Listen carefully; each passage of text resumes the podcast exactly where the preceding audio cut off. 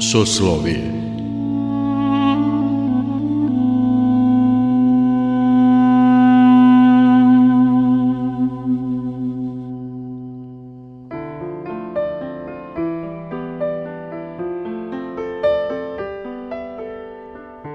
Slušate Soslovije, religijski nedeljnik Radio Novog Sada. Dobrodošlicu vam želi Mirjana Ranković. Večeras vam predstavljamo manastir Bođani kod Bača. Udaljen je 15 km zapadno od Bača u pravcu Dunava. Kompleks čine crkva, konaci, prateći ekonomski objekti. Nekoliko puta je razaran i obnavljan, a u doba Rakocijeve bune bio je spaljen do temelja – Prvi manastir izgradio je trgovac Bogdan iz Dalmacije 1478. godine u znak zahvalnosti Bogorodici za isceljenje obolelih očiju, objašnjava istoričar umetnosti Dejan Radovanović iz Pokrajinskog zavoda za zaštitu spomenika kulture. Predanje govori da je manastir Bođani nastao krajem 15. veka kada je bogati trgovac iz Dalmacije prolazio tuda i kako je bio u godinama i kako su mu obslabile oči, on je na izvoru, na mestu današnjeg manastira, umio se, opra oči i pomolio se Bogu i vratio mu se vid, poboljšao. Naravno, on se zavetovo da će za uzvrat Bogu podariti manastir na tom mestu, da bi se ljudi molili i lečili dalje i To se ostvarilo, on je održao svoje obećanje, napravio, dao novac za crkvu i konake, tada u krajem 15. veka i po njegovom imenu Bogdan, permutacijom, manastir je kažu dobije ime Bođani. Ono što znamo da dan danas postoji taj izvor. Ono što takođe znamo je da u vremenu kasnog srednjeg veka i ranog novog veka, dakle već modernih, početka modernih vremena, mislim na neki 17. i 18. vek, je svaki izvor, pogotovo u ovim ravničarskim krajevima punim podzemnih voda, svaki izvor koji je u vreme nekih epidemija, dakle kolera, kuge i svega što je ovuda prolazilo, dizenterija raznih, svaki taj bunar i izvor koji su ostajali zdravi, on je proglašavan za svet jer ga je Bog direktno sačuvao ne samo, ne da bi sačuvao izvor, nego da bi sačuvao pravedne hrišćane koji su se molili Bogu za zdravlje, za spas i tako dalje, a teška su vremena, dakle to su turbulentna vremena, kraj 14. veka već Turci nadiru, već su na granici carstva, pa oni već u 16. prelaze, jeli, ovamo Srem, Banat Bačka stižu, znamo dokle, teška su vremena i idu i zaraze sa vojskama, razne nedaće idu, a bunari preživljavaju. Mi smo inače oskudni u pisanim podacima, ali ovaj podatak, ta voda koja traje od 15. veka nam je zabeležena po događajima, po predanju, a traje i danas, i ima svoje predanja koje se nastavljaju, to je nama dovoljan podatak. I to je dovoljno za nastanak kultnog mesta. Jer u toj situaciji, a znamo, u pandemiji smo sada, znamo kako to izgleda, kako je to važno imati zdrav izvor u koji si siguran. I mesto utočišta na kraju krajeva gde se i pomoliš. Eto, to je onaj glavni podatak o manastiru Bođani. On ima crkvu posvećenu prazniku Vavedenja Bogorodice, inače mnogo izvora je bogorodičinim praznicima posvećeno, pa i Bogorodica postoji jedna barokna tema, Bogorodica vodonosni istočnik, Bogorodica izvor života. Zašto izvor života? Pa zato što spaja božansko i ljudsko kroz sina Božijeg i svog Hrista i dovodi do spasenja. I to je ta, i imate tu scenu gde se Bogorodica stvari prikazuje iznad fontane koja je na izvoru. I eto, bođani su posvećeni crku bođanima vavedenju Bogorodice u hram. Šta ćete veći dokaz svetosti mesta? Tu, je, tu su vojske prolazile. Kažemo, to je kraj 15. veka i prolaze vojske od 16. veka prodora prvog Turaka pa nadalje i stalno se ruši, pali, ruši, pali, da bi 1722. godine bio obnovljen manastir, na, sazidena nova crkva To je ova sadašnja crkva koju vidimo. I ta crkva je dosta interesantna već po svojoj arhitekturi. Dakle, to je početak 1722. početak 18. veka. Turci su isterani definitivno, kažemo, i nadali su se svi zaovek sa tih prostora. Hajde sad, e, Srbi su dobili privilegije zato što su u austro-turskim ratovima bili na strani, naravno, hrišćanske braće i deo svog e, habitusa oslobodili, jer znamo da još uvek ostaje Srbija pod Turcima, ali ovaj deo gde su Srbi živeli sa drugim narodima, današnja, današnja Vojvodina, da kažemo, je oslobođena Turaka. Dobijaju privilegije, mogu da grade zvonike, što je vrlo važno, što je najvažnije na svetu, jeli? I zato vidimo u Krušedulu onaj veliki zvonik, mnogo veći od crkve, da se čuju zvona, da se vidi šta smo ostvarili, šta smo zaslužili i da smo se oslobodili. E, i ova crkva sad postaje jako interesantna i jako važna. Ona se nalazi tu, blizu Dunava, blizu jakih katoličkih centara, pa tu vam je Bač, koje je Franjevački samostan, je strašno važno kultno mesto. Tu vam je, preko puta su u današnjoj Hrvatskoj veliki katolički centri, na kraju krajeva ni Osijek nije daleko. Osijek je veliko, veliko središte i kulture, na kraju krajeva. Tu su i ostala mesta, tu počinje da veoma jača srpski Vukovar. A Bođani se nalaze tu negde između i tu jedna od onako e, markantnih e, granica pravoslavlja, Karlovačke mitropolije. Vrlo markantna e, pozicija. I gradi se crkva koja je interesantna po svojoj arhitekturi. Ta crkva u svojoj arhitekturi sažima postvizantijsko, ali i neke nove elemente. Međutim, drži se ona uglavnom tradicije. I u tim pevničkim prostorima, koji ostaju još od Moravske škole, koji su nam došli sa Svete Gore, sa Atosa, što se Kube e, veliko diže na ukrstu tog pevničkog transepta, jeli, tog dela koji i naosa, broda. E sad ta kupola je ogromna. Ona je široka, velika. Mala je to građana da drži toliko kupola, ni visoka i sve. I sada se tu javlja jedan interesantan spoj elemenata. Kada uđete u crkvu vidjet ćete četiri stuba. Stupca, u stvari, stubove zovemo one koji su kružno, kružne osnove, dakle obli, a stupci su četvrtasti. Ovo su zidani stupci sa zaobljenim uglovima, ajde tako da kažemo. Dakle, tu je već spoj, spoj raznih tradicija, ali se čvrsto oslanja na srednjevekovnu crkveno graditeljstvo. Ne oslanja se zbog toga što je retrogradno, nego zbog toga što mora da se očuva kontinuitet. I upravo da se taj kontinuitet, time se brani autohtonost, time se brani tom vidljivošću, time što se čuju zvona, time što se prepoznaje oblik, potpuno prepoznaje oblik pravoslavne crkve od ostalih crkava. Jer tada već početak 18. veka imate potpuno gotovo modernu izgradnju, moderne konstrukcije baroknih crkava. Ne, ovo ostaje dosta tradicionalno sa pojedinim baroknim elementima. Zašto? Zato što vi niste tu tako u enklavi. E, da ne bismo bili u enklavi, mi dodajemo neke volute koje su baroknog stila i pokazujemo da smo mi prosto stigli do tog nivoa razvoja. Unutrašnje crkve u organizaciji prostora je. 15 godina posle izgradnje, počela izgradnja 1722. 1737. dolazi jedan potpuno neverovatan čovek, dovodi ga, dovode ga, nije, nije on sam došao, pazite, ne, e, kako da kažem, niko ne dolazi sam da gradi manastir, da radi u manastiru. Njega episkop Visarijan Pavlović dovodi iz Pećke patrijaršije on dolazi, a prethodno dolazi dole sa Dojranskog jezera, Hristofor Žefarović. Čovjek kome ne znamo kad se tačno rodio, on dolazi sa nekim znanjima koje smo zaboravili. Prepoznat je već od prvih istraživanja bođanskog živopisa, prepoznato je da je Hristofor Žefarović dano ogromnu novinu. Akademik Dejan Medaković je napisao tačnu stvar, da je to živopis manastira Bođana, da je to mesto i trenutak gde nastaje moderna umetnost, crkvena umetnost u Srbiji i moderna kultura.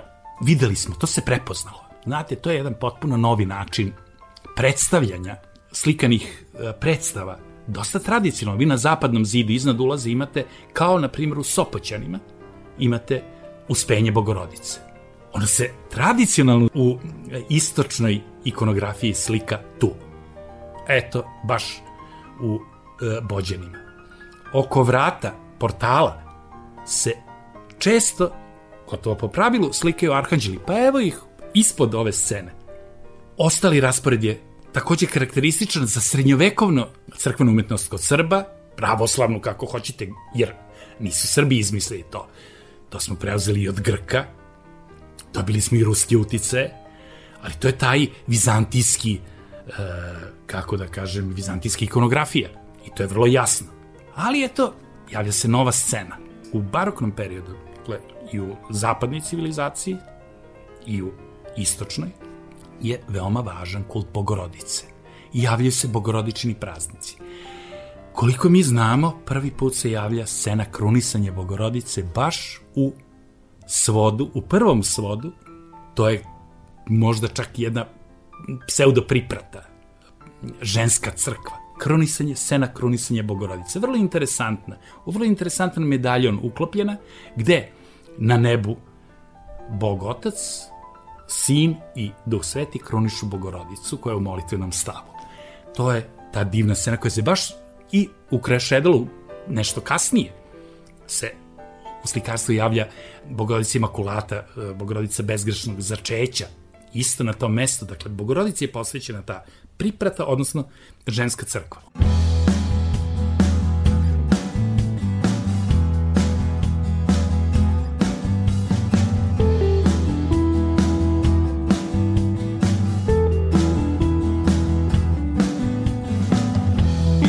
sela Bođana i Vajske, a usred botaničke bašte rajske, gde rastu i sa Pirineja jele, manastirski se konaci bele, i toranj sunce iz daleka zlati, putniče namerniče, Bođane svrati. Svrati.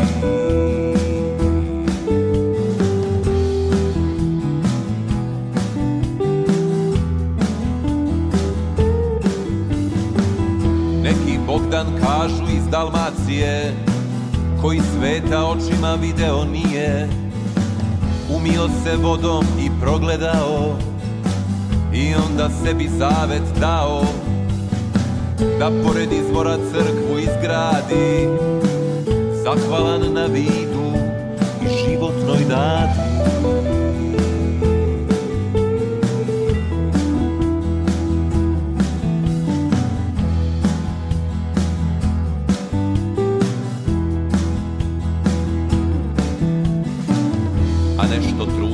godina potom. Podiže se manastir koji i sada stoji. Stoji i godine broji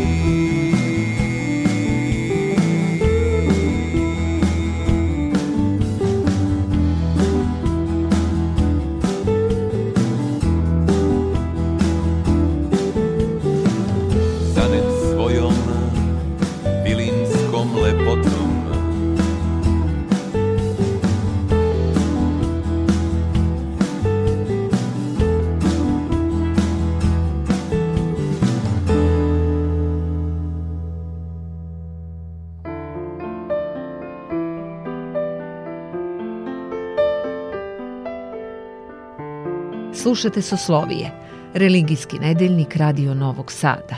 Večeras vam predstavljamo manastir Bođani kod Bača.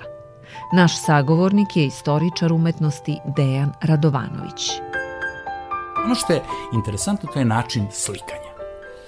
Jako živopisno, jakih boja. U savremenim kostimima, u kostimima 18. veka. To je prilično radikalno. Zašto je to važno? Nije to zbog toga da bi to bilo samo šareno, nego zbog toga da bi u stvari dalo jednu poruku. Spasenje, pa greh, smrt, vaskrsenje se ne dešava nekada davno ili nekada tamo ne znamo ni da će doći. Ne, ona se dešava sada i zavisi od ovoga sada. To je, to je u stvari e, upravo poruka jer sada se gubi, sada se gubi ta statičnost figura koja je karakteristična za Vizantiju. I pojavljuje se drama. Zašto je ta drama važna? Pa ta drama je važna zbog toga da bismo upravo scenu napravili i ta scena, to je ono, znate, u tim, u srednjem veku imate, još u antičkom pozorištu, deus ex machina. Bog koji se iz neke mehanizacije pojavlja, pa sad to kažemo kad se nešto pojavi iznenada, neočekivano deus ex machina. Ali to je mise-en-scène. I crkva, ikonostas, crkva, to je scena i scenografija neke dramaturgije, što je liturgija. Jedno drugo pomaže, jedno drugo moraju da budu uvezani.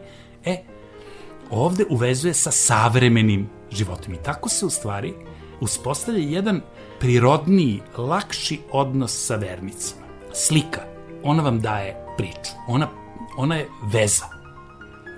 I ona mora vrlo jasno da komunicira. I mora da komunicira prepoznatljivo. Morate razumeti jezik. E, zato se to dešava. I to je vrlo važno. To je ono što smo od zapadne ikonografije preuzeli. I taj barokni uticaj u tom smislu veoma značajan. Zato što, znate, posle Tirinskog koncila, jezuiti, najškolovani u svetu tada, oni preuzimaju tu borbu protiv reformacije, ali borbu i protiv drugih šizmi, jer se pravoslavlje kod njih smatralo šizmom, ali rade fenomenalno. Oni, to, oni, su prvi, oni su prvi imali psihološko propagandna dejstva. Jer kad uđete u baroknu katedralu, pa kada se otvori ono nebo sa apoteozama, a vi ste u molite, vi ste skoncentrisani, pogledate, zbunite, s vama se pomeri realnost i onda možeš uticati. S druge strane, ti si odmah ti otvoreno nebo, ti odmah osetiš da to ima, da to postoji. Nije tako jasno ovo što se dešava, ove promene koje se dešavaju kod Žefarovića, ali su upravo u jednoj blažoj formi poboljšanje komunikacije sa vernicima, koje moraš sačuvati od uticaja vrlo jasnog propagandnog uticaja i dati im neki integritet, prosto da se očuva i to nacionalno biće. Nije to, kako da kažem, nije to odbijanje da se komunicira. Ne. Ajmo da komuniciramo na isti način i da vidimo. I to je u stvari upravo to spasonosno. Žefarović to radi odlično. Da li je to Visarion e, Pavlović, episkop, da li on tvorac tog, jer znate, nije nikad umetnik pravio program ideološkog slikarstva, ne, to radi ideolog, koji je ideolog, pa crkveni velikodostojnik, da li Visarion Pavlović Koli je u stvari sa ovim fantastičnim, školovanim, pokazat će se izuzetno važnim čovekom pravio taj program, ne znamo ko tačno, ali ga odlično napravio. Rekli smo, to je novina to je moderno. U isto vreme, 1737. godine, nastaje vrlo blizu u Baču Senserova slika Ant Antonius Paulus Senser, dakle prvi osječki barokni slikar. Radi za Franjevački samostaj, radi tajnu večeru. 2011. radići konzervatorske radove, našli smo njegov potpis, što je jasno. I to je njegov prvi rad. Šta je interesantno? Tu je interesantno, u centru te scene se pojavljuje jedan svećnjak, luster svećnjak, kako to kažemo u crkvi polijele, jeli? ali luster sa svećama, koji baca osvetljenje i pravi dramsku situaciju u toj slici Senserovoj iste godine, u tajnoj večeri, u potkupolnom prostoru manastira Bođina, potpuno, gotovo identičan taj svećnjak nalazite iznad Hristove glave u tajnoj večeri, u sceni iste tajne večere. Pazite ta simultanost. To nije, što bi rekli, bez vraga. To mora biti upravo zato. Kod Žefarović je to citat koji vam govori o tome da se to, da je to realno se desilo i da se to realno dešava. I zato je iz tog vremena svećnjak. Nije to neki drugi. Eto, to je ta barokni senzibilitet i ta barokna poetika slikarstva. Uz te novine, koje su sigurno zadivile, boga mi zaprepastile, nisu svi sigurno bili zadovoljni time, ostalo je nešto kao obnova. Zamislite, 400 godina posle velike, velikog ciklusa geneze u Dečanima, se u manastiru Bođani pojavljuje na potrbušima dva luka, se pojavljuje ceo ciklus geneze stvaranja sveta. Pa to je veza direktna. Da se ne zaboravi dolazi iz Pećke patrijaršije neposredno pre nego što je radio ovde u Bođanima, on dolazi iz Pećke patrijaršije. Dakle, Žefarović. Iz, Žefarović. On dolazi dole sa juga. Sledeća faza je ikonostas. Ikonostas nekoliko godina kasnije nastaje i to je, taj ikonostas je strašno važan, takođe, zato što uz Krušedolski ikonostas on predstavlja potpuno novinu u srpskoj umetnosti kao i ovo, ali sad je to, čini mi se, e, na jedan način radikalnije, prosto e, vidljivije. Sastoji se iz nekoliko slojeva, najstariji deo to, to je taj gornji deo početak 18. veka, grupa raspeća koja bi se mogla stilski vezati možda čak i za vreme e, Žefarovića, možda malo ispred njega, tako dalje, ali svakako Međutim, sledeća faza koju radi Jo Vasilijević, onaj isti majstor koji radi 18. vek, dakle prestone ikone u manastiru Krušedolu, on radi ikonostas, glavni deo ikonostasa e, manastira Bođani. I to je strašno značajno. To je opet jedna nova vizija, opet jedna, jedan spoj tradicije i spoj novine, spoj vizantijskog vizantijske ikone i novih oblika i nove poetike barokne, zapadne umetnosti moderne umetnosti. Izuzetno značajno. Ikonosta se ne završava tom fazom Jova Vasiljevića i sa, dva, sa te dve divne ikone koje je radio Bogorodice i Hrista, koje se nalaze sada na stubima na posebnim tronovima, nego se kasnije rade i carske dveri, bočne dveri u 19. veku i tako dalje. Ono što je takođe jako značajno govorili smo toj, o tom kultu Bogorodice i važnosti bogorodičnog kulta u 18. uopšte u celom hrišćanstvu, taj oltar, odnosno baldahin u kome se nalazi, tron na kome se nalazi ikona Bogorodice koja je negde možda kraj, čak sam kraj 16. veka, možda 17. vek, Bogorodice Bođanske, čudotvorne ikone, jedne od sedam čudotvornih srpskih ikona, taj tron je, on je jedna cela konstrukcija na kojoj imate ikone sa predstavama vrlina, pućenim bogorodici, odličnu ikonu koja je takođe konzervirana i puno darova koje su ljudi posle molitve, uspešnog iceljenja, svesti da su da ih je neko čuo, da ih je bogorodica preporučila, poklanjali manastiru, odnosno njenoj ikoni kao zahvalu za postignuto, dobijeno, učinjeno. I to je, to je isto jedan sklop. Jer znate, to je, to je gotovo barokni bočni oltar. I on je potpuno konstrukcija kakvi imate u svim baroknim katoličkim crkvama, ali sa potpuno pravoslavnom ikonografijom i pravoslavnom ikonom i celim činodejstvom i ritualom koji je istočno pravoslav. Taj spoj je opet izuzetno značajan i on opstaje. I ta, ta ikona posle toga doživlja da ona, da postoji čak njena u ulju, celog, dakle ne ikona, nego cela, ceo taj oltar napravljena je ikona u ulju sa celim, celom konstrukcijom, kao i Zaharija Orfelin kasnije radi uh, pakrorez te čudotvorne ikone i celog tog oltara. On postaje u stvari potpuno nova ikona, ne samo ikona Bogorodice, čudotvorna, nego i ceo oltar. I tu u stvari dolazimo do sakralizacije crkvenog prostora, potpune sakralizacije prostora i toga da je ceo prostor u stvari ta ikona i posrednik molitve.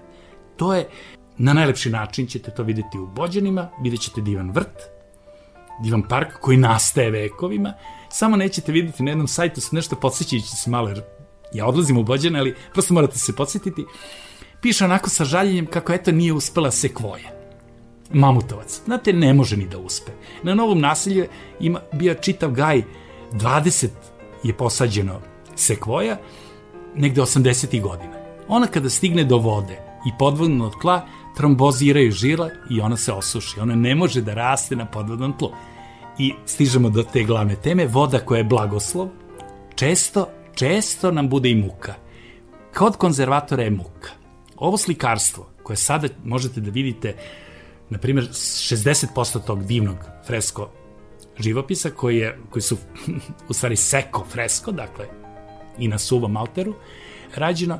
E, slikarstvo sada možete da vidite u izvornim bojama niste mogli do skora. Zašto? Nismo smeli da mu priđemo. Bilo je takvo iseljavanje. Delovalo je, ako pipnemo, otpašće celi delovi zida. Osmelili smo se sa, sa, zajedno sa kolegama iz Italije, sa Instituto Centrale di Restauro iz Rima, koji su došli ovde preko onog projekta Vekovi Bača i radili su, radili su sarađivali sa našim konzervatorima i u Baču i u Bođanima, osmelili smo se, prišli i zahvaljujući prosto to, toj saradnji krenuli sa čišćim i sada možete da vidite da je to slikarstvo u stvari očuvalo sve svoje kvalitete i da možemo da spasimo osim one zone do metar i po, metar 60 koja je od raznih poplava propala. Ali ovo celo, glavnina slikarstva se može spasti. E, lepo je sad otići tamo i videti to, jer uskoro ćete videti samo sliku novo obnovljenog, dakle vraćenog sjaja. Ali treba videti i sjaj i da bi se sjaj cenio mora se videti tama. I to je interesantno, iz tog projekta i Bača i Bođana proizašla je još jedna velika, velika vrednost, a to je saradnja sa Tehnološkim fakultetom u Novom Sadu i sa njihovom laboratorijom za ispitivanje materijala, gde je osnovana i za nasleđe laboratorije. Mi sada sarađujemo na svim poslovima sa njima. Eto, Bođani još uvek nam daju isti posticaj i prosto nas čuvaju od toga da zaboravimo da se mora sarađivati, istraživati, raditi. I eto, to je, ja mislim, lepa stvar. Treba otići u Bođane, pored tu je i ona jezero bara, kako zovete, provala, gde je divno, prosto leti se okupati. Tu je bač sa tvrđavom, sa samostanom i da vidite taj čitav jedan savršen ambijent u kome lepo vidite da je u 18. veku ovde bila, boga mi, moderna Evropa. Predstavili smo vam manastir Bođani. Naš gost bio je istoričar umetnosti Dejan Radovanović iz Pokrajinskog zavoda za zaštitu spomenika kulture.